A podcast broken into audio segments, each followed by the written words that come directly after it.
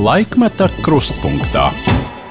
Esiet sveicināti arī šajā sestdienā. Mēs tiekamies raidījumā Laikmeta krustpunktā pie mikrofona Hārnis Krause, producente Ilze Aginta.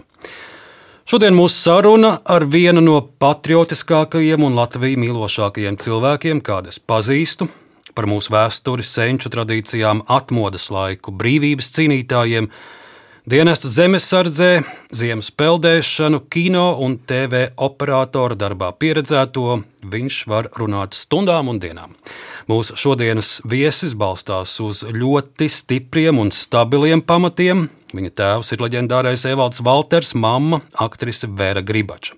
Es saku labdien Raitam Walteram, sveiks Rait! Sveiks, Arne! Un Rait mēs ar tevi esam kolēģi arī darbā tādēļ. Klausītāji, mūsu saruna šodien būs uz tu, Rait, tev jau vairāk nekā 40 gadus uz pleca ir kamera, kino, tagad video. Un arī šodien uz studiju tu esi atnācis ar kameru, jo tu esi dežūrējošais operators šonadēļ, un jebkurā brīdī tev var piezvanīt un izsaukt uz kādu notikumu.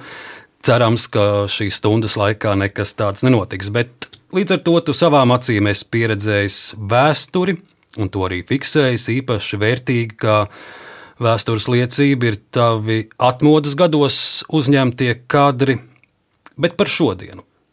Tu arī šodien daudz filmē, tu daudz satiec ļaudis, gan, gan pilīs, gan būdiņās. Kādu tu šodien redzi Latviju un, un Latvijas cilvēkus? Jā, labs jautājums. An. Ir ļoti dažādi cilvēki. Ir tādi cilvēki, kas man uzrunā, un tie ir lauku ļaudis, Un ir tādi cilvēki, kas ir vēlētos amatos, teiksim, valdībā, saimā, kas man neuzrunā vairs. Tāpēc arī es tā atteicos no ziņu reportāžām un vairāk braucu pa Latviju un filmēju bez tabu sižetus un degpunktu. Jo tur cilvēkiem var palīdzēt šādā veidā, uzklausot viņus, atrisinot kādu problēmu un varbūt parādīt arī laimīgu stāstu. Kas man vairāk vilina, teiksim, pozitīvs cilvēks, stiprs, kas iesakņojušies laukos.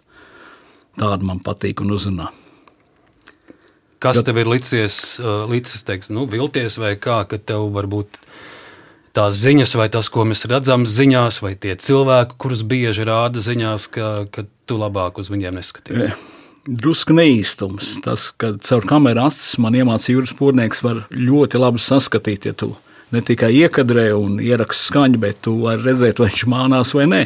Tā ir vairākas reizes bijis tādā pašā ministra kabinetē, kur kādreiz kultūras ministrs, citu, no Nacionālās apvienības, atbraucis no Brazīlijas, no Austrālijas un teica, ka viņi ļoti smagi strādājas. Tajā pašā laikā viņi bija tur ar vīru un mainīja viesnīcas. Un tā kā mēs ar kolēģi viņai uzdevām jautājumus, viņa, piemēram, apspiedās un aizgāja prom no sarunas, nepabeidzot to. Laikam Žaneta viņai bija vārds. Tu nu, tāda līdzīga situācijas, un man ļoti nepatīkami tā, tādus cilvēkus intervēt, filmēt, kas nav pārliecināti un nevarēja atzīties par savām kļūdām vai izdarībām. Tu teici, ka tev ir svarīgi, lai tu vari palīdzēt cilvēkiem, vai, vai tev ir tāda arī kāda piemēra, ka tu filmējot kādu stāstu, arī neviens žurnālists, bet arī pats saproti, ka varbūt arī tu vari kaut ko tur pabīdīt uz priekšu, painteresēties. Varbūt tā ir kādai kundzei kāda problēma, kuru, kur tev liekas, bet nu, ar, kaut vai ar padomu, ka tu vari kā, kādā veidā palīdzēt ar padomu mazāk. Man ir bijis tā dzīvē, kad es palīdzu fiziski. Pēdējo filmu kinostudijā, ko mēs taisījām ar Andru Slapiņu par Jāņa Austrumu ģimeni, ģimeni Tukumā. Es paliku draugs ar to ģimeni. Vienmēr, kad braucu uz skuldīgi piestāju un palīdzēju atvest maizīti, palīdzēju mežā strādāt, austrumu ģimenei gādāt malku, jo es esmu profesionāls mežonieks. Vai arī tur Kuldīgas pusē ir tāda žaņa vēža ģimene, kuras arī taisīs, esmu sižets pēc tam palīdzēja sienu vākt un atvest šo to no pilsētas un sarunāt traktoru, kas nokuļ labību. Nu, tas ir mans pienesums tāds. Fiziski palīdzēt. Sākoties Krievijas karam Ukrainā, daudzi devās zemesardzes rindās. Lielākā daļa, protams, apzinoties, ka tas ir svarīgi. Varbūt kāds arī modes pēc, ka tas ir tagad stilīgi būt zemesardzē, bet tavs stāsts saistībā ar zemesardzi ir, tu esi zemesardzē faktiski no, no tās pirmajām dienām. Es skatījos jau 92. gadā, tu esi bijis arī zemesardzes informācijas nodaļā un daudz ko tos pašus sākums arī, arī ar kameru fiksējis. Jā, zemesardzē man uzaicināja no aizsargiem. Es biju sākumā aizsarga organizācijā, kas neko nedarīja. Vadītājs bija tāds Jānis Rība, kas teica, ka mēs neko nedrīkstam darīt. Bet tā kā man patika darīt, un es jau braucu līdzi uz robežas, palīdzēt zemesargiem fiksēt pārkāpumus, tad 92. gadā es iestājos zemesardzē. Septiņus vai sešus, septiņus gadus nostādīju štābā, un pēc tam palika ārindā, kā saka, nu, regulārā zemesardzē, kas pilda uzdevumus ikdienā. Un vēl, jo, vēl joprojām esmu tur. Vēl divi gadi laikam palicis līdz pilnīgai atvaļināšanai. Cik bieži tev ir jāpiedalās mācībās, zemesargu nometnēs, kādi ir tie pienākumi, kas, kas tev ir jādara zemesardzes nu, rindās? Es esmu kuldīgs 45. bataljona zemesargs, štāba apsardzes rota, vir, virslietnāts pēc pakāpes. Mācības ir ļoti daudz un bieži. Pagājušajā gadā bija kādas 20, ja nemaldos, plus vēl vienu nedēļu mēs bijām palīgā uz robežas ar austrumu robežu ap Baltkrieviju palīdzēt. Tādā kā misijā. Tā kā, nu, es to daru ar prieku un mācos vēl aizvien. Un arī visas uh, mācības, mežos vai, vai pārgājieni, tas, uh, tas joprojām ir jādara. Vai... Tas ir jādara, jā, jābūt fiziski labā kondīcijā. Ja nē, tad tu to nevar pavilkt. Līdz ar to es arī sportoju un kopi sevi ķermeniski. Daudz skrienu, peldu vingroju no rītiem, katru rītu apliejos ar augstu ūdeni, tas man tā iegājas, lai būtu možums. Līdz ar to man nav vārds tāds nevaru vai negribu. Es, es to tā nevaru sev pieļaut, kad es būtu kaut kā izsists no, no strīpas, bet, bet pēc diviem gadiem man būs ļoti skumji, ka man pateiks pietiek, jā. 65 gadi ir tas deadline, ka tu vairs vari būt tikai veterāns, ko es negribētu turpināt kā veterāns. Nu, tu pats nosauc savu vecumu. Es gribēju teikt, ka nu, gluži 18 tev vairs nav, bet darbā tev redzot, es patiesi to apbrīnoju. Ka... Ir sevišķi, kad ir drāmīgs laiks, un tu dzīvo šķiet jūrmalā, kaut kur, vai, kaut kur tālu jūrmalā. kaut kur tālu jūrmalā, un es saku, kur tu tādā tā esi saģērbies. Tu arī ten brauks uz, uz, uz mājām. Televīzija mums ir uh, dzelzceļa ielā pie nu, mēbeļiem. Niek 3,8 km. Kas tas ir? Ir tīpaši ir Latvijas laika divritenis. Jo citu man nav riteņi, man ir tikai Latvijas laika. Ērenpreis. Nu, Ozolnieks, Ērenpreis, Omega, Latvello, Liperts, kādu tu vēlies, Līva. Un ar tādu tu brauc? Jā, es arī viņas atjaunoju, starp citu. Tas man tāda aizraušanās. Un otrs arī, kā tu rūdies, es saprotu, ziemas peldes. Un tev pat, es kaut kur lasīju, ka tev pat atšķirībā no tava tēva, kuram patīk varbūt siltā ūdenī, tev vienmēr ir tieši Jā. otrādi paticis peldēt. Jā, tas ir taisnība. Man patīk vislabākie grādi no 15 līdz 18. Tad var vislabāk tā justies. Ja pienāks stunda X, kāds būs tavs un arī tavs kā zemesārga rīcības plāns? Es nezinu, vai es to varu teikt skaļi, bet nu, man izstrādāta sistēma ir, kā es to darīšu. Katrā gadījumā es pretošos. Tas ir noteikti 40. gadā tādas kļūdas vairs netiks pieļautas. Un arī tagad ir valsts aizsardzības koncepcija, ko pieņēma pēc Andra Bērziņa prezidenta, ka vairs nevar būt tāda veida komandas, nodevības, palikt savā vietā.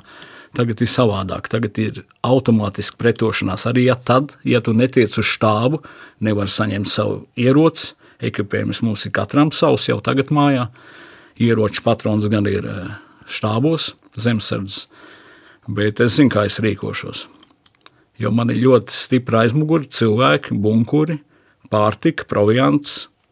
Zinu, kā var izdzīvot, jo mans draugs ir Bērs Grils, ar ko es ļoti lepojos kurš praktiski viņa grāmatas vajadzētu katram šobrīd izlasīt, kādi izdzīvošanas paņēmieni, jebkurā vietā, jebkuros laika apstākļos, un būt gatavam jebkurā laikā, ja ienāk naidnieks. Ja tā ir tāda svēta pārliecība, kad ir jāturās un jāatbild. Ir. Es nevarētu iedomāties padošanos tādu, kā bija 40. gadā, kad mūsu viens no robežsardzes komandieriem atrada par to vislabāk ir nošauties savā kabinetā. Jo es domāju, ka ir jāpretojās. Tu noteikti arī sako līdzi visām ziņām, kas nāk no Ukrainas.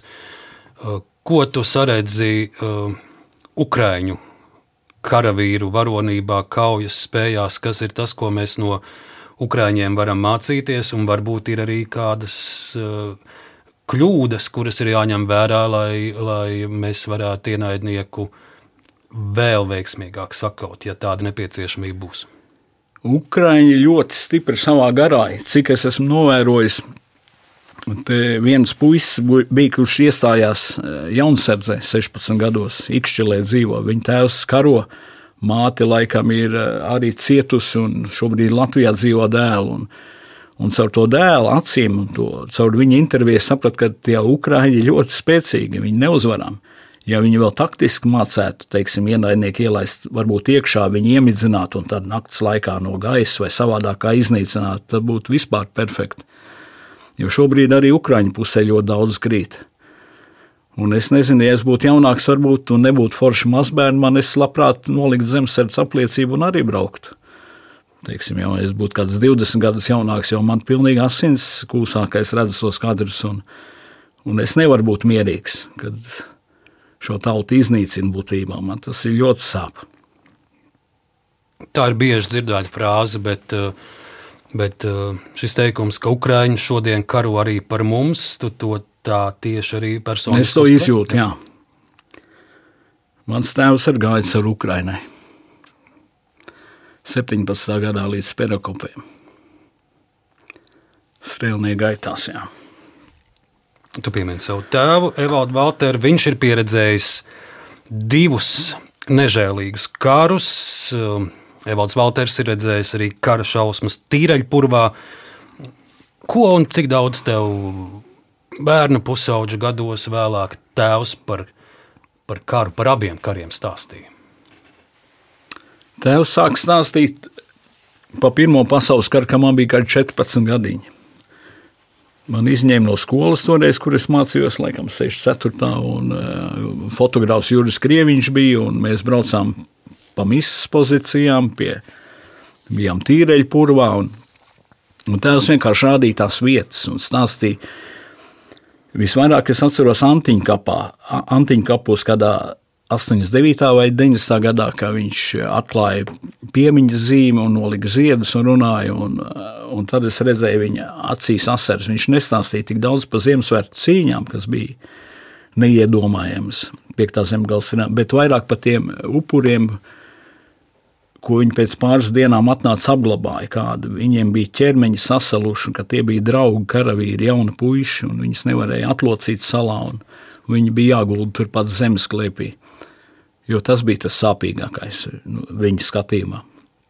Ne jau tas, ka tur krīt, un ka tur kaut gan tajā pašā laikā piektais zemgals pulks diezgan nemākulīgi vadīja cīņas. Tas pats jukums mācījies, pa ko tēvs bija stāvā sajūsmā jo tur vienā cīņā pret vācu ierakumu valni aiziet vienā cīņā 400 pāri cilvēku bojā. Tā ir nemākulība, pa ko arī cara armija, kas vadīja strēlnieks, jukumu vācietis sodīja. Viņus kādu laiku atstādināja no amata pildīšanas. Es teikšu, godīgi, man vienā brīdī, nu, tas, protams, jau, jau sen, sen bija tāds diezgan liels sajukums kuri tad ir tie sarkanie strēlnieki, kuri ir pareizie, kuri ir nepareizie. Kāds tev bija šis eh, izzināšanas process, kā tu saprati, kurās rindās tad eh, tēvs karoja un, un kuri bija kuri? Jā, tēvs nekad neuzskatīja sevi par sarkanu, kaut gan viņš gāja sarkaniem vienu brīdi līdzi. Bet man bija liels lepnums, ka es uzzināju eh, kādā 95. 6. gadā, ka viņš izslēgts ir gājienā uz eh, Krieviju. Viņ, viņi no 5. zemgājas strēlnieku pulka, viņš un vairāk citi ir izslēgti par dezertēšanu. Es pat lasīju, ka viņš ir aizmucis, un tad Jā. mūsu politi pārvalde viņu 21. Eh, gadā esot arestējusi uz kaut kādu īsu brīdi, ielikusi aiz restēm, lai noskaidrotu, cik tad viņš ir eh, sarkans vai, vai nav 23. gadījumā, gadā. Jā, vai nav gadījumā Krievijas spiegs, ka tāds gadījums arī bijis. bija. Jā. To uh, Jānis Hartmans, vēsturnieks un zemesargs, atveda no Krievijas, tā kā vēl varēja tikt pie arhīviem. Un tēvs nekad nav teicis, ka viņš ir dezertējis, bet es viņu tagad izprotu no tāda viedokļa, ka viņš sarkaniem negribēja kalpot. Un arī aizbraucot uz Maskavu un iepazīstot ar bolševikiem, redzot Ļeģinu un citus, un, un Jukums Vācietis piedāvāja viņam arī virsnieku izglītību un turpināt. Viņš atteicās, viņš aizgāja tajā pašā 18. gadā uz studiju Tvorčesto pie Vahtango, un tur aizgāja tikai pa radošo ceļu. Un 23. gadā viņš atgriezās Latvijā, un tad viņa politika pārvaldu paņēma uz divām nedēļām. Pārbaudīt, vai viņš nav sarkans tiešām. Bet tā es saprotu, ka tā, tādās detaļās un tā plaši tēvs ar tiem saviem kara piedzīvojumiem īpaši nedalījās. Viņš nelielījās, jā, jo viņam karš bija sāpīgi, sāpes tādas. Es saprotu, ka viņš atbrauc no Maskavas 16. gadā. Divu nedēļu pēc tam, kad paziņoja, ka strēlniekos var stāties tajā jūlijā mēnesī, un viņš iestājās. Līdz tam viņš strādāja Maskavā vīnu fabrikā. Viņš arī bija patriotiski noskaņots un, un, gribēja cīnīties pret savu zemi un mūžiem ienaidniekiem, vāciešiem. To varēja saprast. Bet pēc tam, kad viņas apmuļķoja, izskastrēls bija un visādi kongresi tiem strēlniekiem tur un saprata, ka viņas ievirz citā gultnē, viņš laicīgi notinās. Pa ko man ir prieks? Un es būtu darījis acīm redzot tāpat, jo es arī padomu laikā nesekoju nevienai ne iesaukumiem un izvairījos no dienas apzināti. Nu, tāds es esmu. Man patīk militārās lietas un stingrība, bet es nekad eh, ne, nevarētu sev iedomāt, ka es ietu Krievos karot, un 16 gadu vecumā es to pateicu kara komisarātā. Tas bēdīgi beidzās gan. Es nezinu, cik daudz par to gribi stāstīt, bet cik, cik es esmu dzirdējis, tev bija jāizmanto dažādi nu, triki vai paņēmieni, lai tu, neno, lai tu ar, padomju armijā nenokļūtu. Es nezinu, vai tie bija triki. Es nekad neesmu mācījis spēlēt īsti. Es eh, pateicu, ka es Krievos neiešu, un pēc pāris nedēļām atbraucu uz skolu. Bobiks un aizvedu uz psihiatrisko slimnīcu ielikt, tur pārbaudīt, vai nu, uz ekspertīzi. Un ne man vienu, man vēl tāda klases biedra Andra Šēriņa paņēma, ar kurš pateica, vienkārši Krievos neies.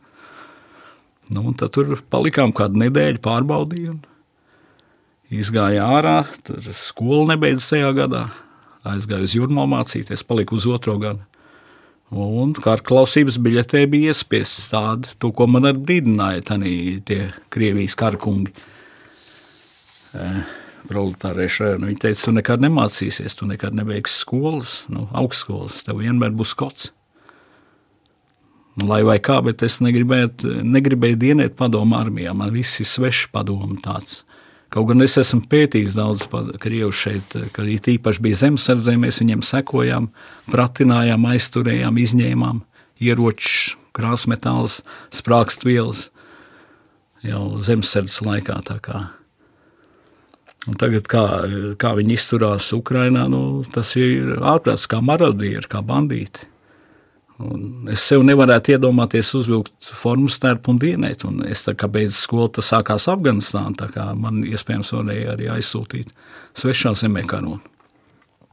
Šis riebums pret uh, padomu režīmu, pret komunismu, pret to iekārtu, kādā tu dzīvoji, vai nu, kā tev tie visi priekšstati radās, un cik daudz tur varbūt bija arī uh, tēva evalda ietekme, vai jūs par to daudz mājās runājāt, vai arī viņš no, no viņa darīta arī var redzēt, ka viņam šī sistēma bija absolūti nicināma, bet uh, varbūt tikai ar gadiem mēs redzam kādus viņa darbus vai, vai rīcību, kas to parāda. Nu, viens stāsts ir par, uh, par šo poēmu Rusijāde, Rusijāde kur, kur ilgu laiku tas jau laikam saprot, nemaz nebija zināms, ka viņš ir tās autors. Pavisam īsi izstāst to ceļu, kā viņi nokļuva līdz rietumiem. Un tie jau bija tālie 50. Jā, tēvs vispār uzzināja par šo darbu, ka viņš iespiests Latviešu fondā, Andrejs Eglīts iespieda tikai 90. gadā, kad Evo Mārtuža atveda šo dzējoļu krājumu.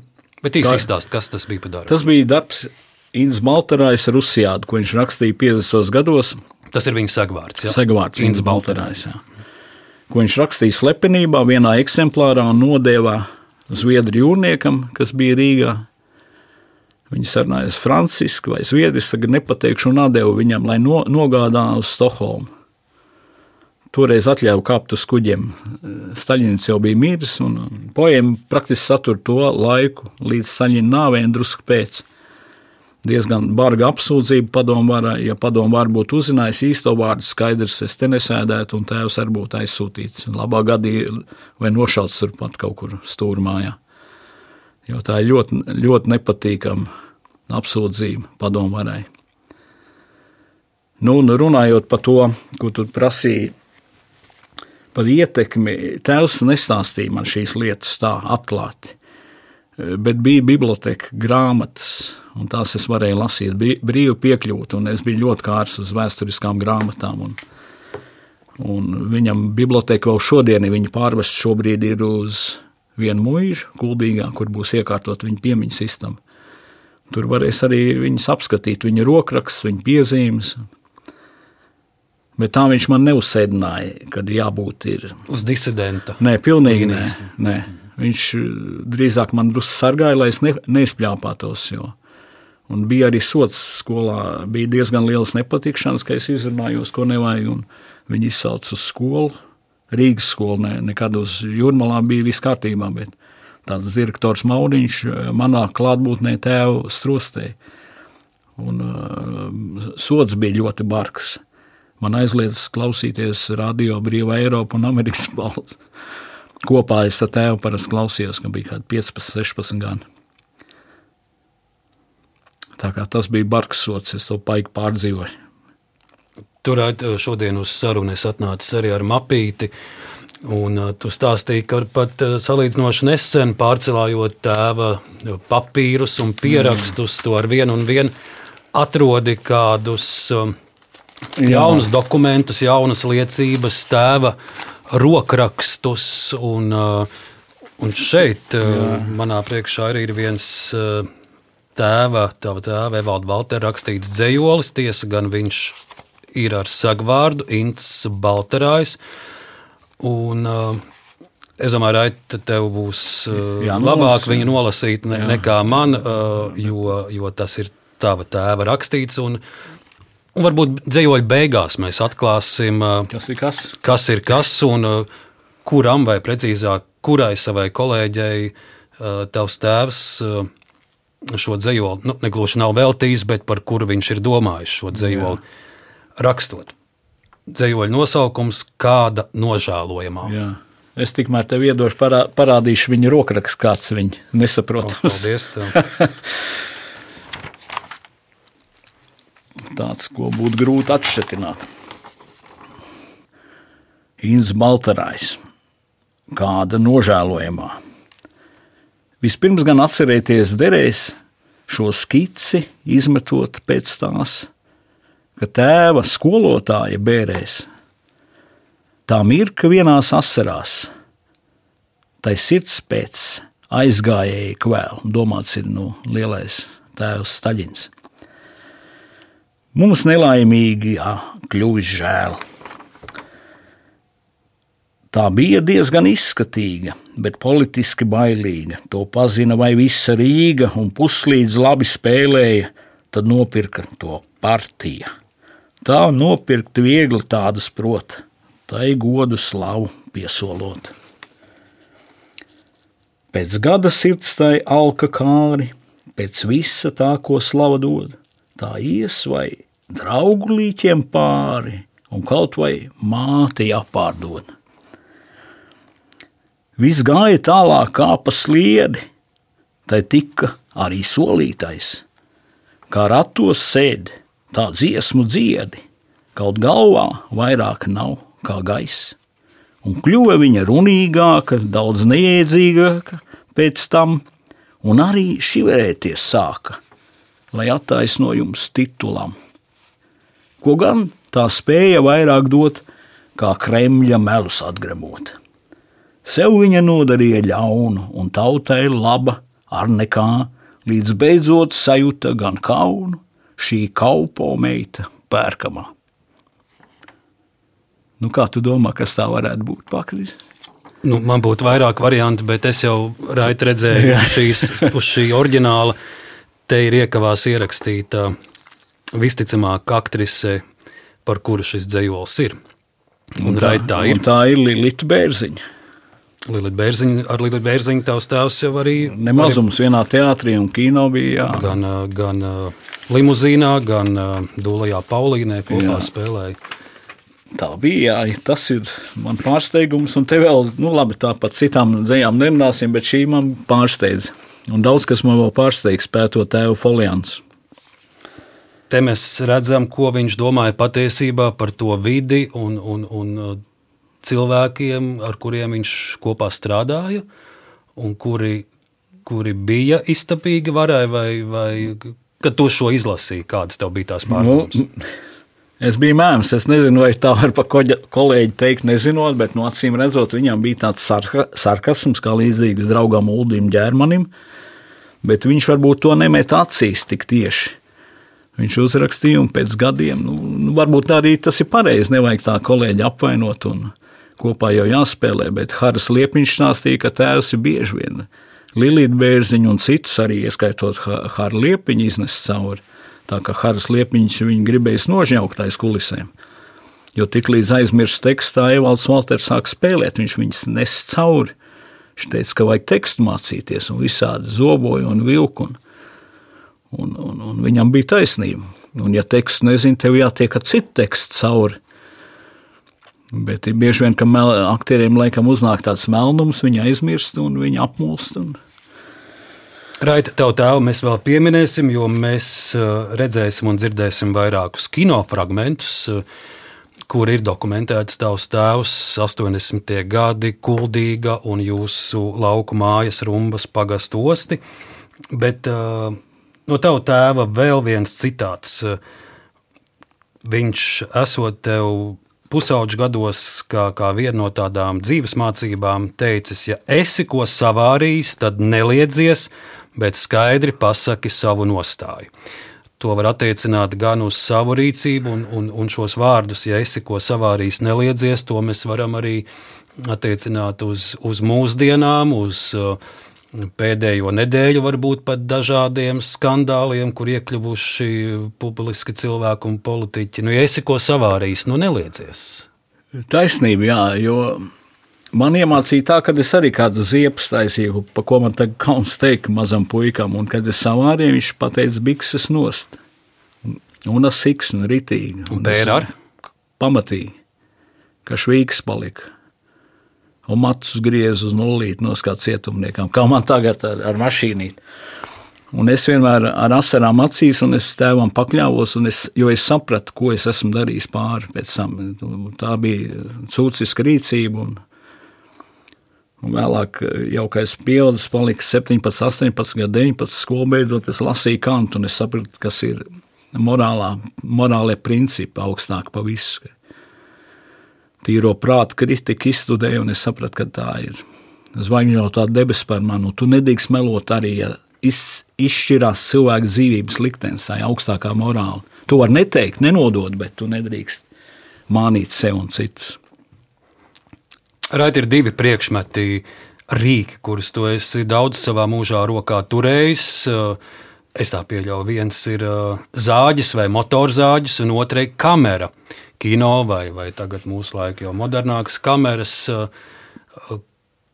Kā šie ceļi tev aizveda? Tev bija, uh, es saprotu, arī jaunības gados uh, daudz laika pavadīts mežā un, un zāģera darbs. Un tad es skatos, jau 80. gadu sākums, jau ir fiksēti tavi pirmie kinodarbi. Tā zāģēšana un filmēšana gāja paralēli, vai bija sākumā viens un tad otrs? Bija tā, ka es 79. gadā beidzu skolu un aizgāju strādāt par asistentu kino kronikā pie operatoriem. Pūrnieks, lapiņa, kroģa valde, Zaltsmans, mans op- arī viens no labākajiem operatoriem, kā es daudz mācījos, un citiem. Un tā kā es netiku uz Maskavu, man nebija nosūtījums no kino komitejas, es nevarēju studēt, plus vēl, eh, kā es teicu, kā ar komisionātu tie zīmogi. Un pat tas, ka tu esi Evalda Valtera dēls. To neskatījās. Nē, bija vietas uz Maskavu, bija aiztur konkursi, un man kolēģi bieži vien tika otro, trešo, ceturto piegājienu, bet es nedabūju šo nosūtījumu. Jo kino komitejās strādāja tāda līnija, viņai vīrs bija līnijas, kā vēlāk uzzināja saistīts VDK virsnieks, un tur nebija ko runāt. Un es 70, 87. gadā, 87. jā, 87. aizgāju uz mežiem. Izmācījos pa zāģeru un nostrādāju līdz 92. gadam mežos. Tajā laikā arī es filmēju atmodas notikumus. Un, jo man tas darbs vēl tagad patīk. Man ļoti patīk koki, zāģēt sarežģītus kokus un kopt cirsmu, stādīt kokus, kopt. Tā, tā man ir pamatprofesija praktiski. Nevis operators. Bet tagad uh, patīsim dažas kinolentes no 80. gadu sākuma. Un, cik es redzu arhīvos, pats pirmais tavs darbs, kas ir saglabāts valsts kinofotofono arhīvā, ir no 1983. gada. Tas ir kinožurnāls Sporta apskats. Šeit ir parādīta PSRS 8. tautu Spartakiāde, režisore Biruta Veldre. Ir vesela virkne operatoru, Andris Meļķis, Juris Potnieks, Antolijas Pjatkins, Evers Cāns, arī Raits Valters. Nu, te nav atsevišķi atzīmēts, kuram ir kurš kadrs. Es eh, Rait izvēlējos vienkārši vienu, vienu divu minūšu fragmentu. Eh, palūkosim un atcerēsimies šos kadrus, kas tā tad ir tapuši pirms 40 gadiem. Kinožurnāls Sporta apskats.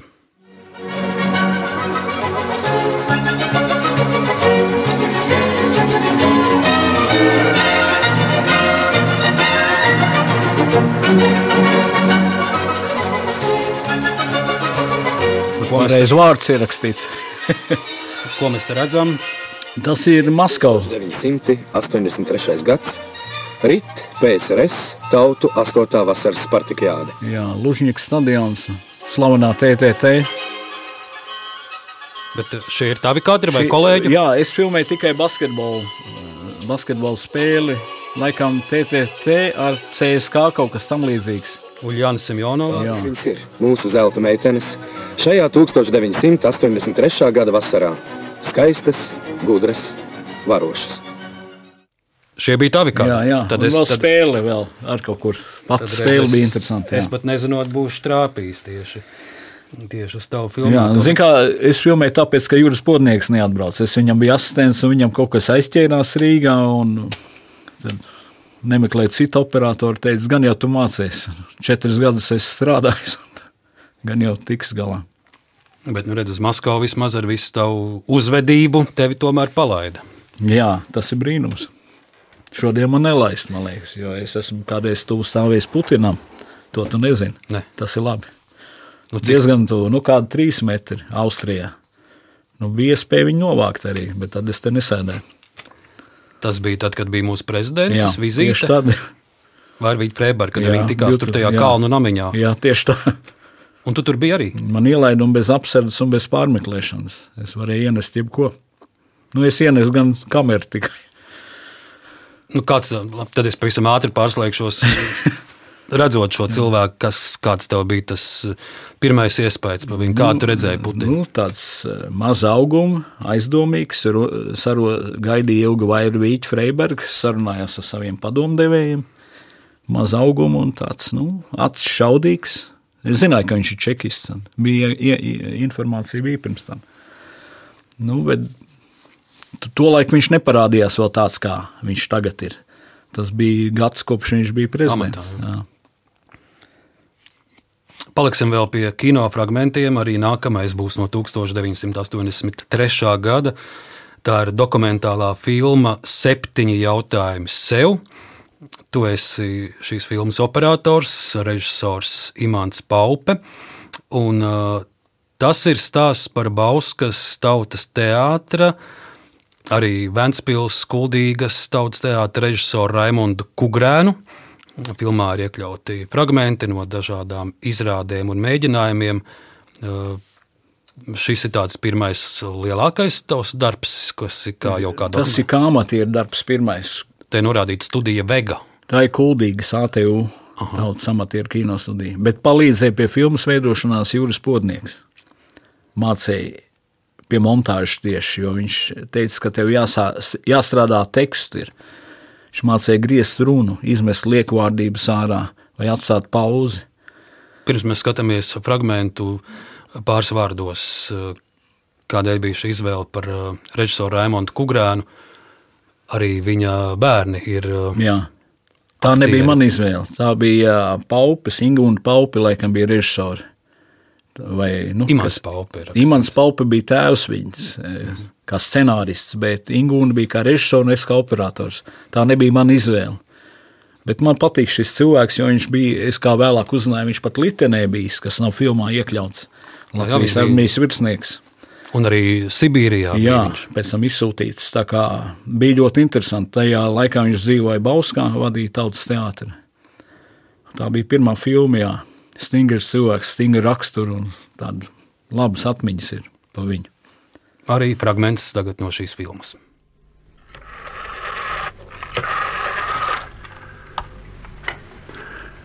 Aļo, kultūras nams. Šeit režisors Kukrēns. Vai tur Jāni nevar pasaukt? Nu, sveiki, Jāni. Nu, kā jums iet šodien mēģinājums? Jā, ir sanākuši.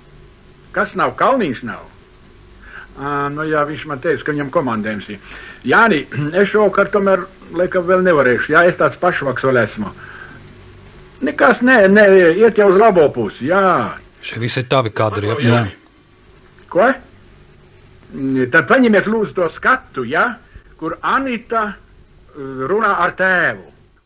no zvejnieka dēla. Lai viņi nebaidās no asuma, jo tā ir vienīgā vieta, kur viņa var parādīt tā sakot, savu nostāju par Oskaru. Ja? Droši, droši. Nu, labi. Septiņi jautājumi sev. Jā.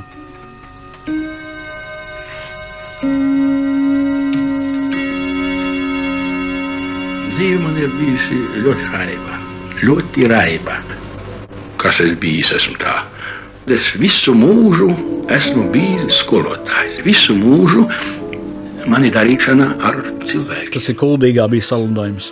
Tautas teātris salidojums. Kļūdas bijušas neveiksmes, bet man dzīvē, jāsaka, varbūt laimējies. Es domāju, ka man ir bezgalīgi daudz prieka, bezgalīgi daudz laimes. Un es esmu priecīgs taisni par to, ka esmu iemīlējis teātrus mākslu. Nu, lūk, šāds fragments Jā. no 83. gada. Tā, tā, šo var saukt par tādu pirmo jau lielāko darbu. Ja? Nu, kā kino amatieru darbu, kā operatoru darbu, patstāvīgi. Kuldīgi tu esi dokumentējis daudz, un tas ir saprotams. Tas ir, tā ir tava arī dzimtā puse. Nē, dzims, dzims Rīgā. Tēva dzimtā. Tēva, tēva, tēva, tēva dzimtā puse, un arī tagad tavas, tavas mājas ir kuldīgas pusē. Un 85. gadā top uh, dokumentālā filma Dzīvīte, dzīvīte. Ir uh, filmēta kuldīgi un tās apkārtnē, vientuļie kuldīdznieki, ļaudis, viņu atmiņas. Uh, Tur var redzēt, kāda 80. gados bija arī senioru, vientuļu senioru iztikšana. Un, un es šo filmu noskatījos, un es tur redzēju arī nu, nabadzību, diezgan lielu nabadzību, kādā, kādā vientuļie seniori 80. gados ir dzīvojuši. Mazdārziņi un malkas plīts. Filmas noslēgumā runā arī tavs tēvs, Evalds Valters, bet es izvēlējos mazu fragment par vienu kundzi. Kuldīdznieci būtu interesanti zināt, kas tagad tajā vietā ir, jo man izskatās, ka tā, tā viņa dzīvesvieta ir gandrīz pat pilsētas centrs, un viņai pie mājas vēl ir kartupeļu vagas. Uh, Paskatīsimies jā. fragment, vai, vai tu atcerēsies uh, šo kundzi un šo stāstu, jo tu viņu esi 85. gadā dokumentējis. dzimusi tepat Kulīgas apkārtnē brūvīja mājās. Tikai kultīgi, jā. Jā, man palīdz, man, man daudz palīdz. Citi jaunie palīdz, veci cilvēki man palīdz. Tā jau man būtu grūti, un jau bija gadi, kad es nevarēju, bet tagad es notaisīju testamentu. Un tad tā man redz, pa nedēļu vienreiz atnes, nu jau ir četri gadi, kamēr es vairs nevarēju, es jau saprotu. Lizete, tā ir. Lizete. Dzīvoja Kalējas smēdiņa būdiņā, vecākā kuldīgas ielā, Rumbas ielā. Maz, maz mājiņa, viņai bija divi dēli, karojuši padomu armijā, abi aizgājuši bojā. Rādi man nav, man ir tik tā vienīgā, kur es biju vēl kādai māsītas meitinu, bet tomēr viņa man dikti laba ir. Tā man iedeva acu gaismu. Šodien arī viņi bija atnesi tomātītes un atnesi pudeli pienu, arī to lielo brandīnu pudeli. To, to es Brandvīnu. trīs reizes varu vārīt. Fantastiski pieticība, fantastiski. Un 28 rubļus atceros, ka viņi pensijā saņēma. mēs norakstīju to māju, man tajai es 20 rubuli priekš to ēšanu iedod. Un man tie astoņi paliek priekš zālēm.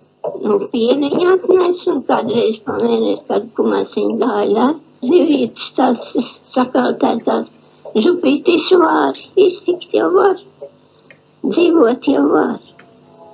Nevar jau teikt, ka tas ir slikti.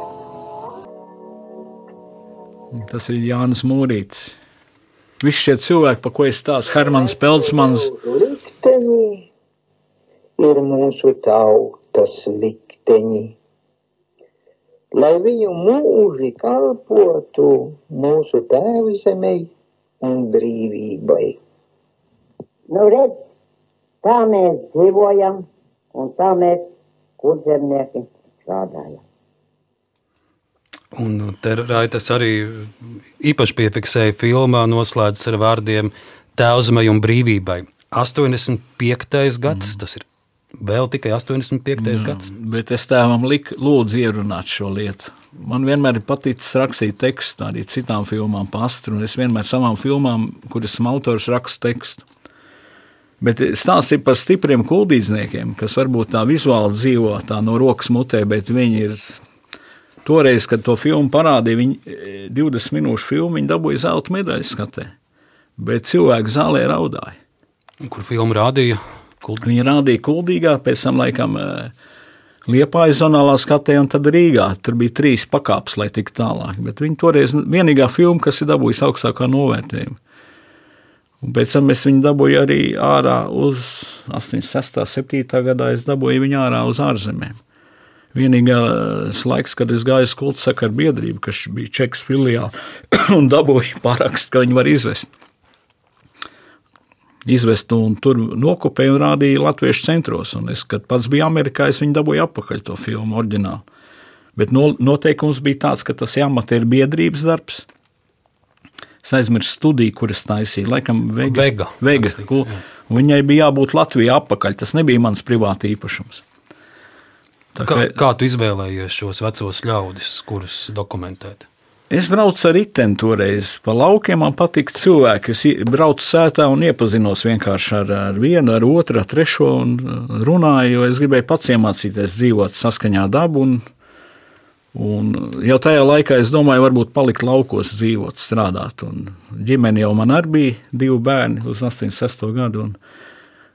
Es biju kino studijā arī noguris, sapratu, ka visu mūžu nestrādāšu pastāvēt, nenesīšu smagas statīvas un nemērīšu gaismas. Un, jo tas ir tāds mācekļu darbs un gribējās darīt kaut ko pamatīgi.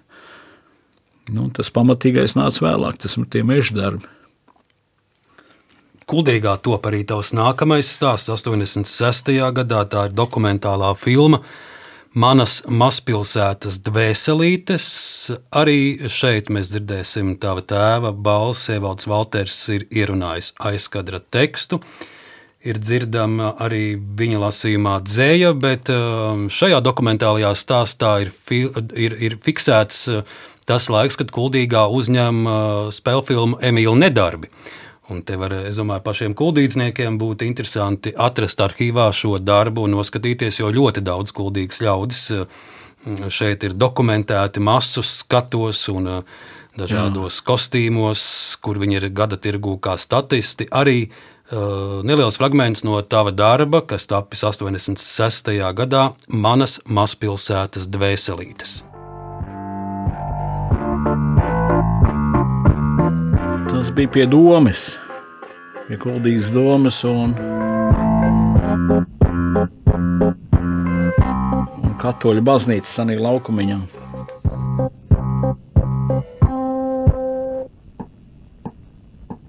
Jā, tie visi kuldīdznieki šie ļaudis. Vienkārši ģērbušies un, un,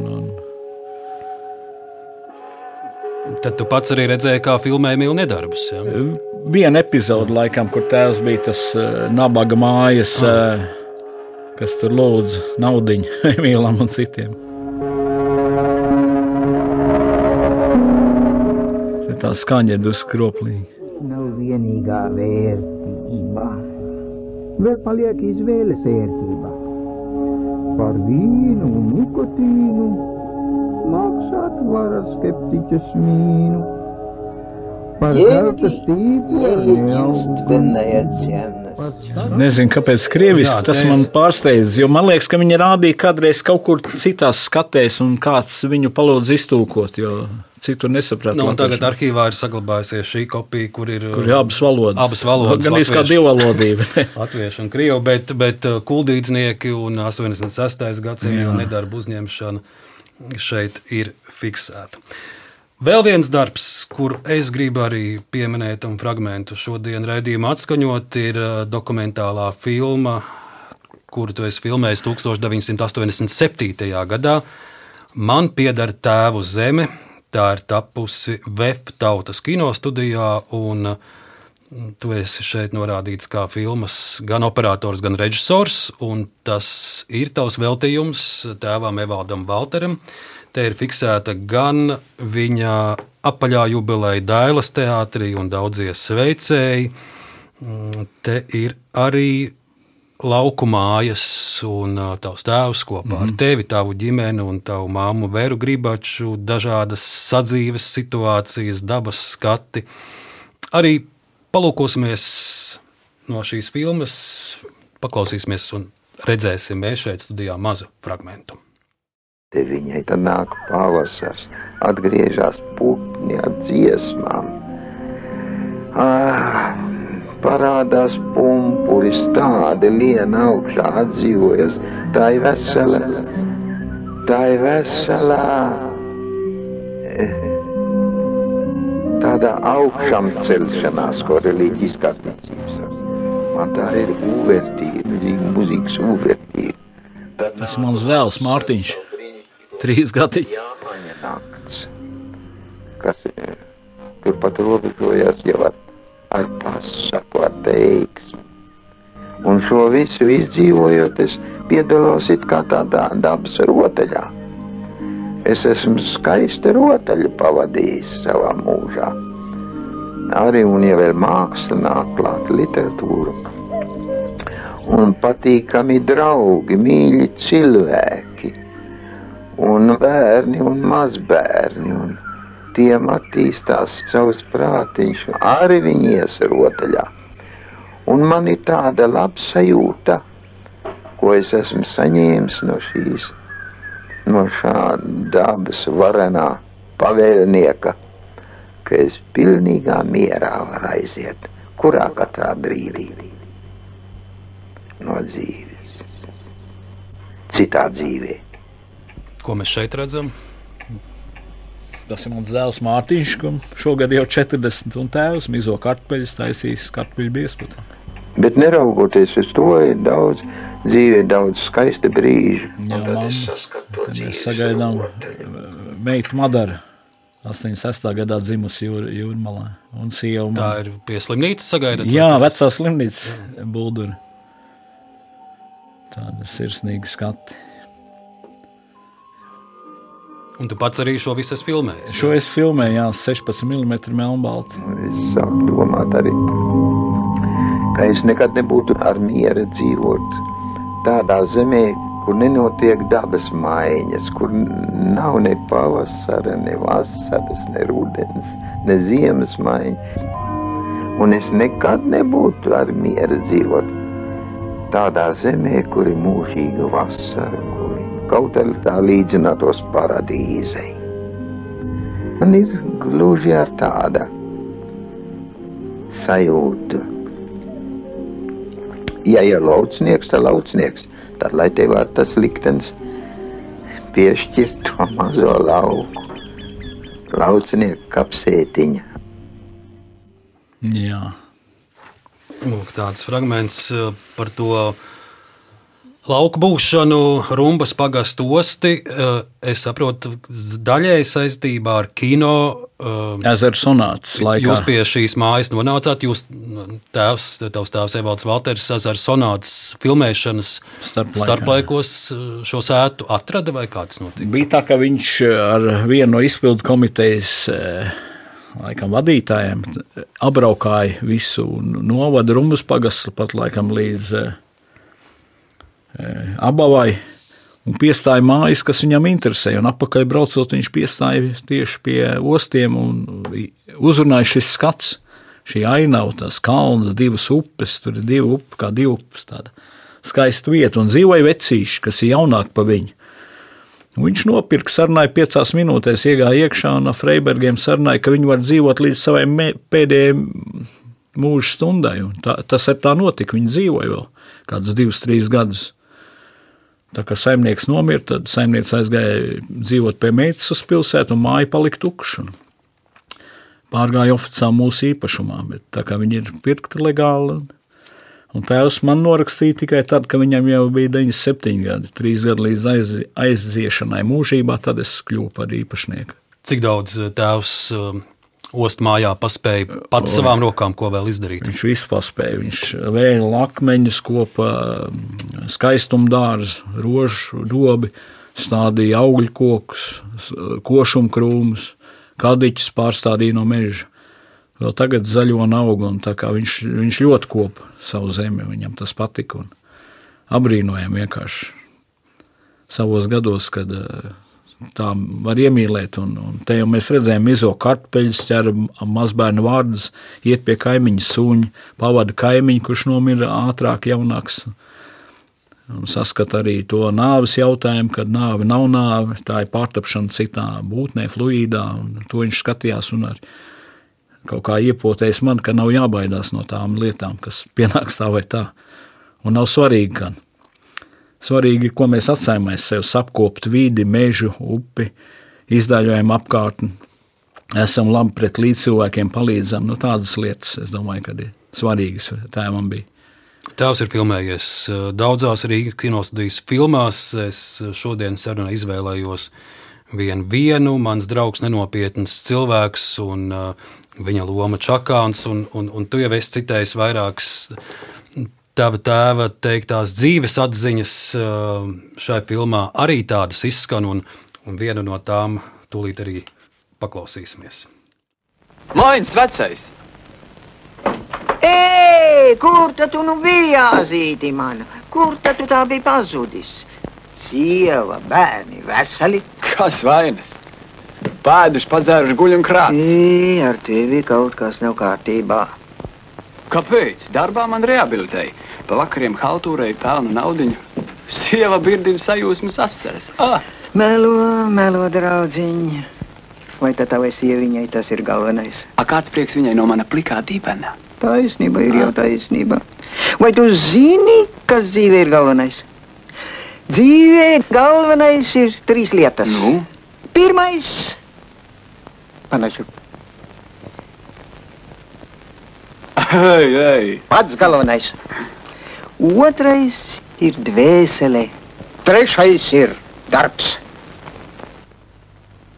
Bet kā tad tev pašam ar to pirmo ir? To pirmo, tā jau no reizes ir, tā ir. Toties dvēseli, Bet dvēseli vai cilvēkam ir dvēsele? Atsevišķi skolā māca, ka dvēseles nav. Ir, dvēseli ir. Tikai ne debesīs. Tepat zemes virsū staigā tev pa pēdām. Nu, tāds mazs Jā. fragments. uh, Filma, ko gandrīz katru gadu arī mēs dažādās televīzijās redzam, režisors Jānis Streičs. Tad, Čakāns saka, ka dzīvē trīs svarīgās lietas. Nu, to pirmo viņš iečuks tausī, bet uh, dvēsele un darbs. Jā, tā tas ir. Viņi, starp citu, ir eh, krustbērnu teātrī. Ar, Ar Jānu Pakštelu. jā, kru, teātris krustdēls viņš ir. Otrs ir šajā filmā scenārijs pavisam savādāks. Čakāns ir pēc tā krieva autora darba vecs nodzēries vecītis, kas nu, griež figūras un strādā katlmājā un neko nevar gūt no viņa.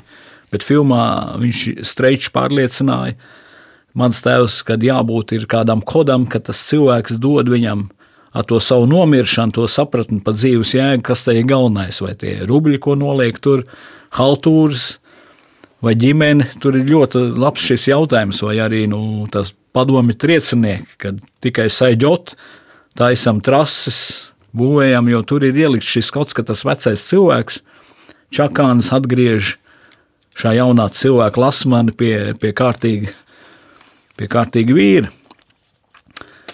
Tā tas ir. Un, un viņš atveido Walteru Hirti. Prototyps ir masalācietis Walters Hirti, kogriezējs. Man arī bija lemts pazīt šie tēli. Tur, tas ir ļoti interesants stāsts un, un pamācošs. Uz vienu filmēšanu es biju līdzi, ap cik masalācā tieši pie Hirtas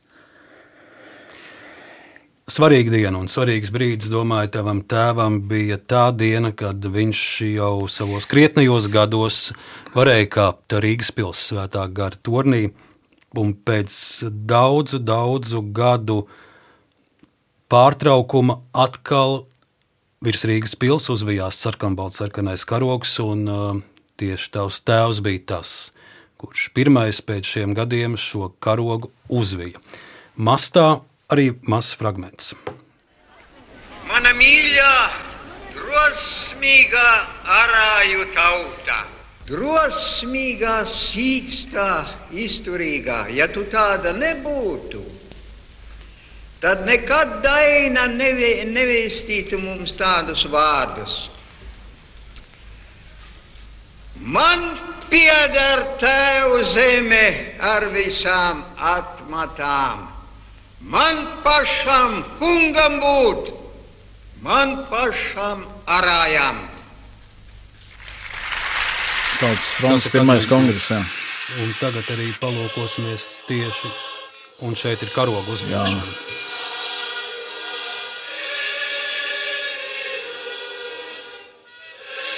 Lūk, redzam tavu tēvu, ka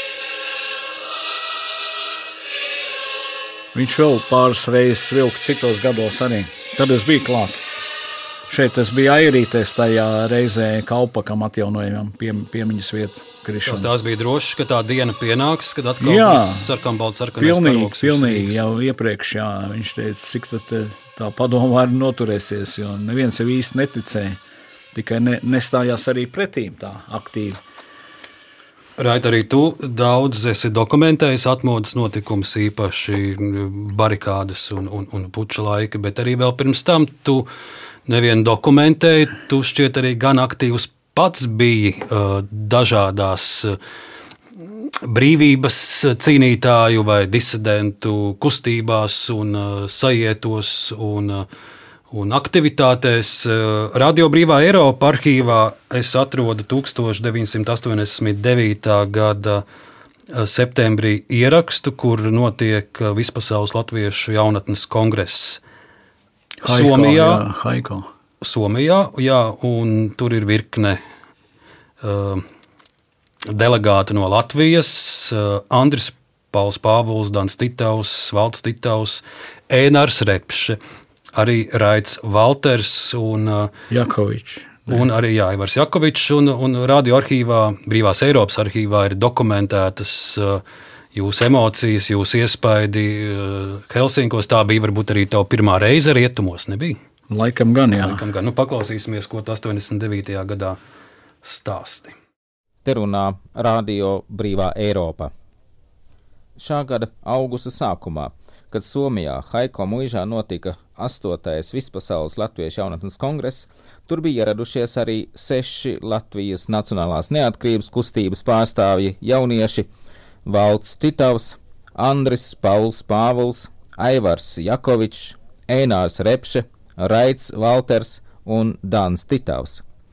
Es visiem šiem LNNK pārstāvjiem uzdevu vienu un to pašu jautājumu, kas viņiem šķietas nozīmīgākais, spilgtākais rietumos. Raiti.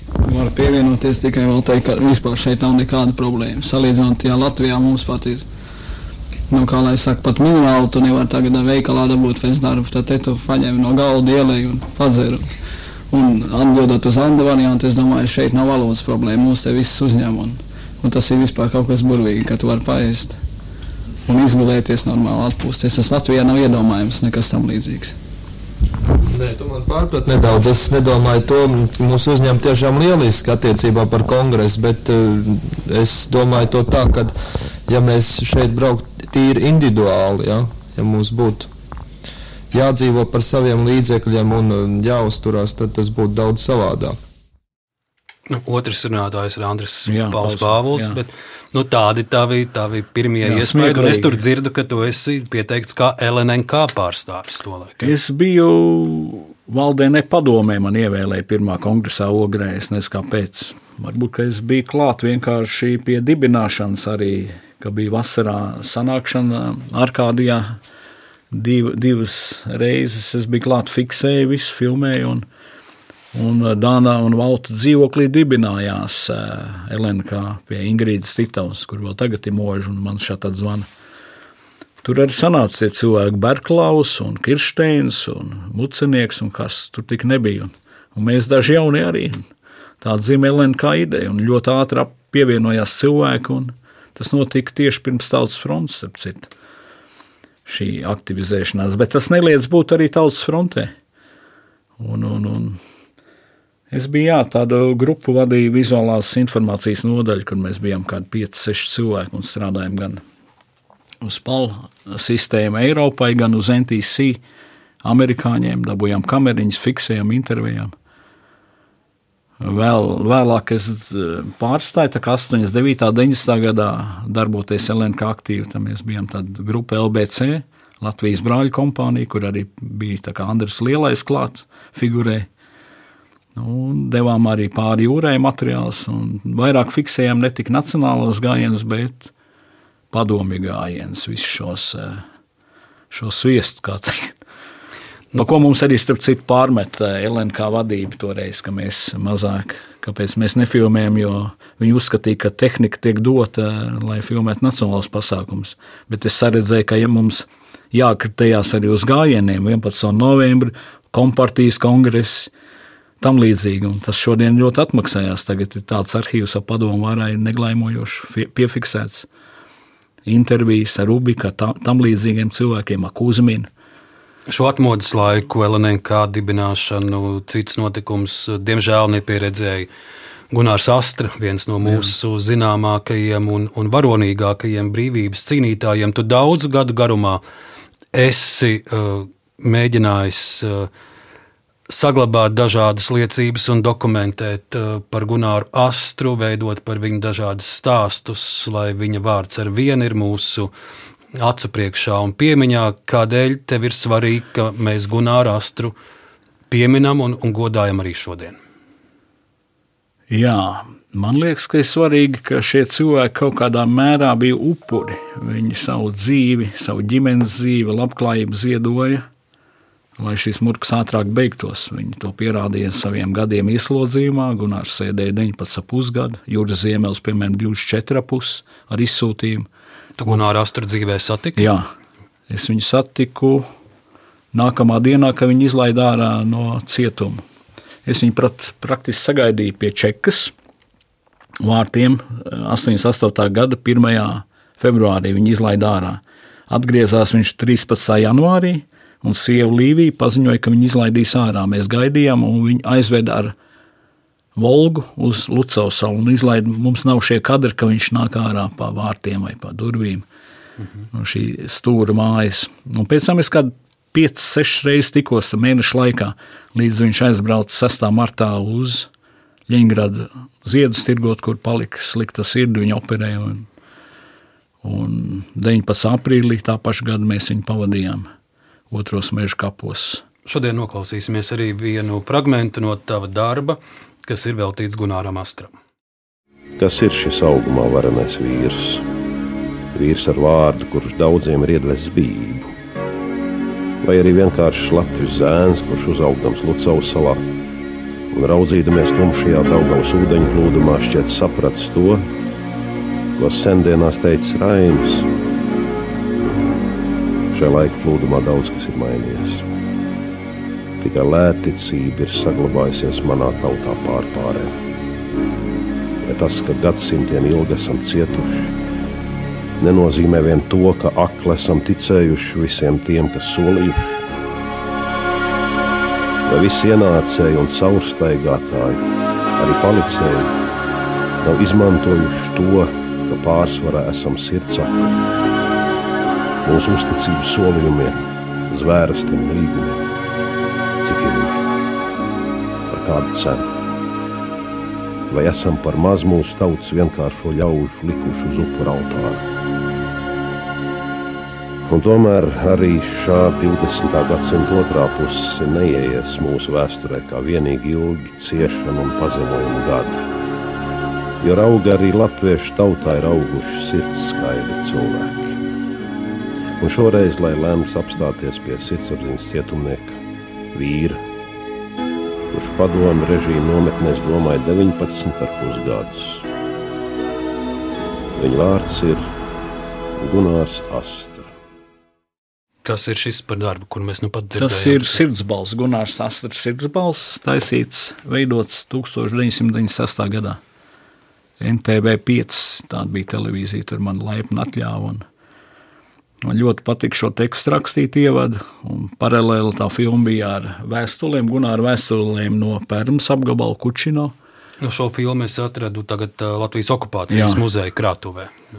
Jā, ielasīja uh, Dailas teātris režisors Auškaps, perfekti. Viņam ir līdzīga valsts kā Astram pēc tembra. Esmu viņam ļoti pateicīgs, un, un šī filma tiešām ir šādi rādīta, bet viņu nevienmēr grib rādīt, jo viņi ir tādi, nu, kā lai pasakā, uz emocijām. Tieši. Tieši jā, un tur ir arī daži kadri, kas var kādam nepatikt. Tādā ziņā. Nu, piemēram. tur, nu, tur ir padomvārds atbalstoši kadri. Viņš stāsta arī pa valodas par um, Astras uh, ļoti asas vērsās pret krievu valodību, tādā izpratnē, ka latviešu uh, bērnam bija obligāti jāzina krievu valoda, un krievu bērns varēja nemācīties latviešu valodu, un par to nekas nebija. Tas ir neiedomājami, un arī kadri, kas tajā filmā ir, to apliecina. Tur ļoti daudz vizuālu pierādījumu tam, ka ļoti grūti bija sadzīvot sirdsapziņas cietumniekam ar pastāvošo vārdu. Tur bija divi varianti. Vai nu jāpaliek pa kolaborantu, jāsadarbojās, un jāpaliek pa tādu, nu, vai arī jā, jāsadedzina sevi. Bet arī pēdējos gados tu strādā pie darba, lai, lai astras piemiņu godātu, kas tas ir par stāstu. Tas ir jauns stāsts, kur dabūja kino centrs naudiņu. Tur ir Sandijs Semjonovs, producents skubu filmu. Un mēs ar Rēderu esam redaktori, un Liena Laviņa režisori un mūzikas autors jaunais Šepkevits, un mēs nopietni strādājam. Vēl procesā darbs. Jā, jā viņam ir šogad jābeidzās tuvākos mēnešos, jo mēs jau divus gadus strādājam pie. Mans uzdevums ir politieslodzītie un čekisti, kas vajāja astru un pratināja. Un tas šobrīd izdevies ir tādā ziņā, ka esmu dabūjis trīs čekistus un kādi četri, pieci ir tie, kas viņu atcerās kā cietumu biedru var raksturot. Šobrīd tas ir sarežģīti, jo pagājis liels laiks to filmu vajadzēja ātrāk taisīt, ši, tik nopietni. Arī man ļoti sarežģīti pētīt arhīvos šīs lietas, viņa atteikšanos liecināt. Ir tik daudz sējumu, ka tam iziet cauri, lai saprastu, kas tas par cilvēku, kā varēja pateikt. Es uz šiem jautājumiem neatbildu. Tur jābūt stipram cilvēkam, pārliecinātam. Raiti, mēs šodien sarunā esam daudz runājuši par tevi, par tavu tēvu, bet, kā es ievadā minēju, tu balsties uz diviem stabiliem pamatiem. Tas ir Evalds Valters un tava mamma Vēra Gribača, es vēlos, lai arī šodien raidījumā izskan tavas mammas balss. Un Latvijas radiofonotēkā mēs atradām raidījumu, tā autori ir Alda Briede, Un viņa 1994. gadā, burtiski pāris nedēļas pirms tava tēva apaļās jubilejas ierakstīja raidījumu Aldas Briedas sarunu ar Evaldu Valteru un Veru Gribaču. Un šeit būs fragments, kur mēs dzirdēsim tavu mammu. Nu, varbūt tā ir mana liela māka. Es neesmu greizsirdīga. Te es klausos, cits kolēģis raksta, Mirza Martinsona, man burvīgā kolēģis, saka, tā, ne, ja mīl, tad ir jābūt greizsirdīgam. Tā nav mīlestība. Mm. Es uzskatu otrādi. Bija brīnišķīgi viņa vārdu dienā. Evalds bija atlicies, jo teica, ka nu nevajag nākt un mākslinieks jāpasaudzē, bet tajā brīdī iedalās. Viņa murka, tā ir mudīta šnaidera. Viņa nāk ar, ar šitiem marinētiem gliemežiem lai Dievs pasargāja. Un teica, kas tie tādi ir. Un ar puķu viņš ir patreiz gultā. Ir. Un viņi ieiet viņa sabuču, viņš paliek guļot. Nu, mudīt ienāk šeit iekšā, mēs te sēžam un runājamies. Nu, paiet kāda stunda, un Evalds ienāk burvīgs ar visiem sasveicinājums. Ā, viņš saka uz mudīt, mēs taču tikāmies gultā jau pirms. No burvīt, no visiem. Nu, tā rodās. Tā, tas tādu viņam ļoti patīk. Un es domāju, varbūt tas, kad ir riņķī jaunība visu laiku, jo viņam taču patīk. Auns ir auns. Es domāju, ka manas svari to tik var izlīdzināt. Tā tev mamma var gribēt atceroties arī, arī šādu epizodi. Kā klājas vai mammai? Arī... Jā, tur viņi mutuļot, mutuļoja, un arī tagad viņi mutuļo, bet viņi jau švakāk. Tikko palika 95, šogad jau 96 iet, un viņi atrodas aucē, pansijā. Un, nu, viņi nespēja vairs viena pavilkt četras tam dzīvokli un visu to mantojumu, kas ir tēva un viņas. Un es biju spiests viņai sagādāt aprūpi un brauc ciemos. Un, Dusku ir skumīgs prāts, jā, pēdējie, pēdējais pusgads ir tāds, kā ir. Bet, nu, jācīnās, jā, nevis var nodzīvot prātu, kā tēvs līdz simts ir, kad tu nespēji vai salūsti un ka tev jāpalīdz. Un, Vai arī, ka tas prāts ir, bet tas fiziskais vairs Fiziskais nav, jā, un, un, un ir tā, kā ir, jā, šobrīd ir sarežģīta situācija. Nu, mammai arī ir uh, bijuši tādi svarīgi pienākumi. Patriotiskās lietās es esmu redzējis notikumus, kur tā mamma ir bijusi blakus uh, bruņoto spēku armijas dažādos pasākumos, lasot uh, dzēju, Jā. nesot klāt. Tie bija daudz, daudz, daudz notikumu. Kur... Jā, viņi bija robežsardzes neatņemama sastāvdaļa. Vienmēr brauc uz robežu, uz masļiem, kur iebruka 40. gadā Krievi. Viņi brauca uz Liepāju, viņi bija kuģa Kristaps krusmāte, vēl aizvien, var teikt, pirmā kara kuģa krusmāte. Un, kad NBS zīme viņa bija klāta tēva brāļa kapos visur, viņai ļoti patika šī militārā tāda uzstāšanās pacelt garu. Un, cik viņi varēja, viņi darīja, un viņi arī cienīja šīs militārās vienības, vienmēr aicināja uz pasākumiem. Jau tagad kartiņas sūta uz Rīgas dzīvokļu. Nāk gan NBS komandieris Kalniņš, gan mm. robežsardzes brigadieris, kā nu bija aizmirsts uzvārdu. Viņi atcerās, jā, gan Doma baznīca, gan viņi ir aktīvi bijusi. Un, Un svarīgi, ka arī novērtē un atcerās viņas. Viņi ļoti atcerās, ja novērtē. Man nevienmēr dzīvē, jo viņi tik labs kontakts nebija kā tēva, gan jāsaka. Jā.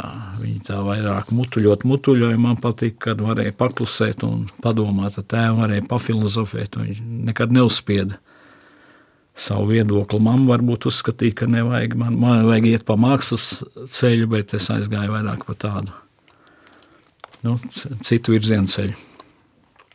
Pie mākslas vēl tādā raidījuma izskaņā paliksim. Viens no tava tēva hobijiem bija literatūra un īpaši mīlestība uz franču valodu. Es nezinu, vai tā tev no tēva ir mantota vai nav. Jā, pirmās divas klases mācījos franču licejā. un es saprotu, ka tēvs jau pat pirms Pirmā pasaules kara ir, ir gājis franču valodas kursos. Ceļā, jā. Viņš ir latviešu iztulkojis gandrīz visas Moljēra, Lūgas, Igo un, protams, jāpiemina La Fontaine fabulas ar kurām viņš esot ņēmies visu mūžu garumā. Un, uh, 86. gadā iznāca to tulkojums, un mēs te vienā video redzējām, kur ir uh, pie slimnīcas tiek sagaidīta tava nu pat piedzimusī meita, Jā. un tur ir tāds žigulīts. Un vai tas nav tas žigulīts, kur tavs tēvs nopelnīja par šo Lafontaine fabulu iztulkošanu? Ne. Tad vēl Nē. tajā gadā meita dzima 86. gadā Madara, un uh, tas ir taksometrs, nu ir taks. Jo es vienkārši lasīju, ka par fabulu iztulkošanu tavs, tavs uh, tēvs ir 85 gadu vecumā ticis pie pirmā jā, auto. Jā, Tā bija. Tuvāk 87. gadam, liekas, bija vai 86. beigas. eh, Jā, viņš dabūja žiguli 7. 3. motoru, pats nemācīja braukt, viņam nekad nebija tiesības. Un eh, mašīna gan iznostāvēja gadu. Un tad es 87. gadā, kad sākās atmodu, es arī teicu, ka es nebraukšu, man ir riteņi un vilciens, un es nekāpšu. Un, un pienāca laiks, rudens, kad es sāku braukt ar to mašīnu. Divu pusgadu bez tiesībām, kā es teicu, es nevarēju skolās iet, nekādās arī autoskolā. Un es divu pusgadu nobraucu līdz 91. gadam. Neatļaut, kas šodien tas būtu laikam sodāma rīcība bez tiesībām. Bet nu, arī no Latvijas radiofonoteikas mazs fragments La Fontēna fabulas, eh, pateicoties kurām arī Raita tev bija iespēja braukt pie žigulīšu stūres fragments. Otrs lauvai kara pieteicis. Vai ies šīs zemes mēsls? Ko iedomājies šis? Tā lauva uzsaucinieka odam. Tev šķiet, ka tituls karalis man bailes dveš teicots. Man uzsvilpt tavam godam. Ir vērsis stiprāks nekā tu, un tomēr es to trenkāju. Šos vārdus tikko bija teicis, tā tūlīt cīņa iesākās. Rēts lauva, kas tik daudzus veicis, Ots viņam apkārt mētājas pie kakla karalim jau klātu. Šīs dusmās gandrīz zaudēja prātu. Šī milzu cīņa iet viennieka oda dēļ. Tāds mušas atkritums, simt vietās laudzeļ. Un lauva nelaimē, gandrīz vai beidzas nost. Ots lauvu uzveica ar slāvu cīņā gūtu, Pats kauju pieteica, pats kauju pabeidza, pats visiem sevi lielīja. Bija tīkliņš zirneklim netālu gar ceļa malu, tur atrada ots galu. Tad ar mums iegaumiet pāris faktus mazākais. Viens naidnieks bīstamāks mums bieži niecīgais, otrs briesmās lielākās, kas prata izvairīties, krīt tur, kur saka, nav ko bīties.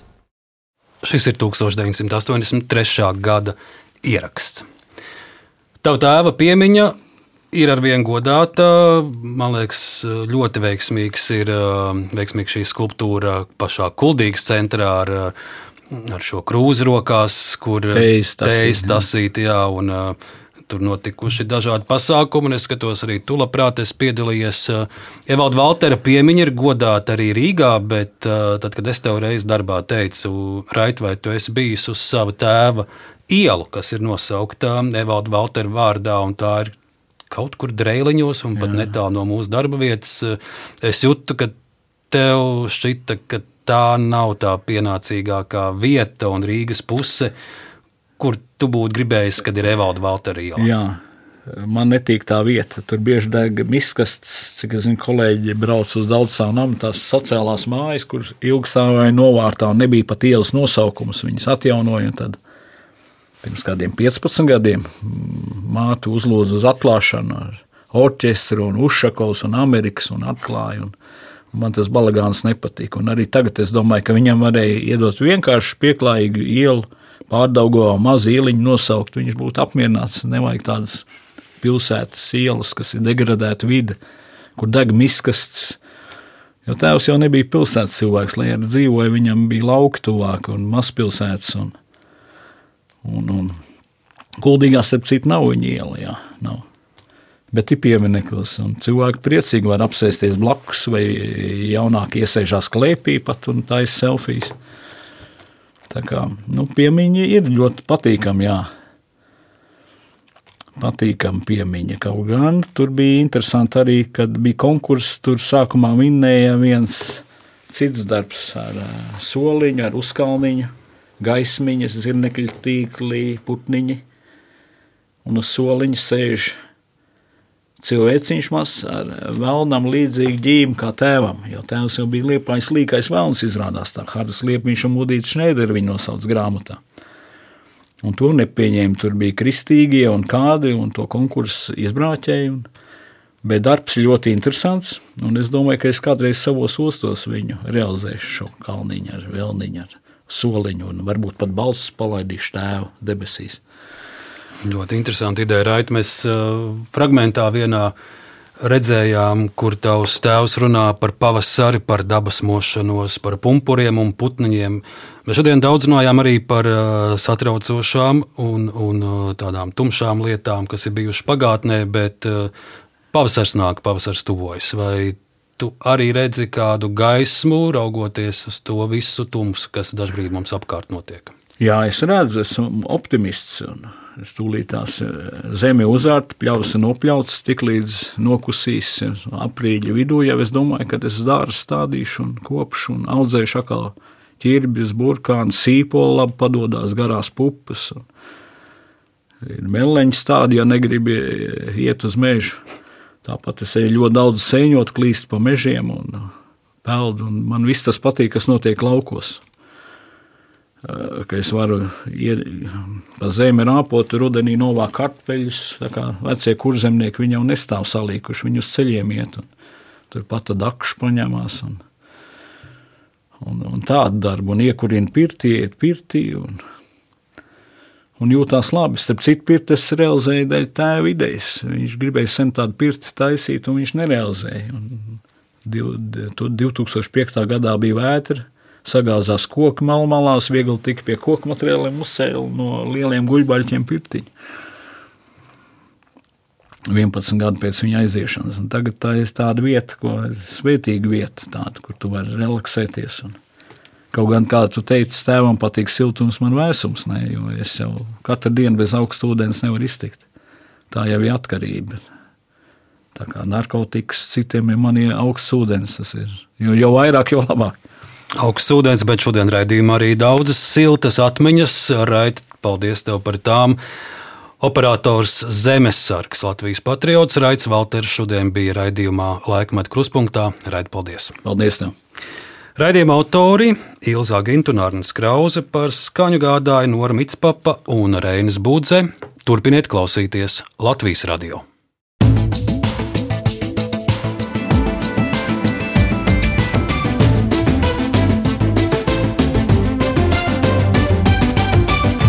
Laikmeta krustpunktā.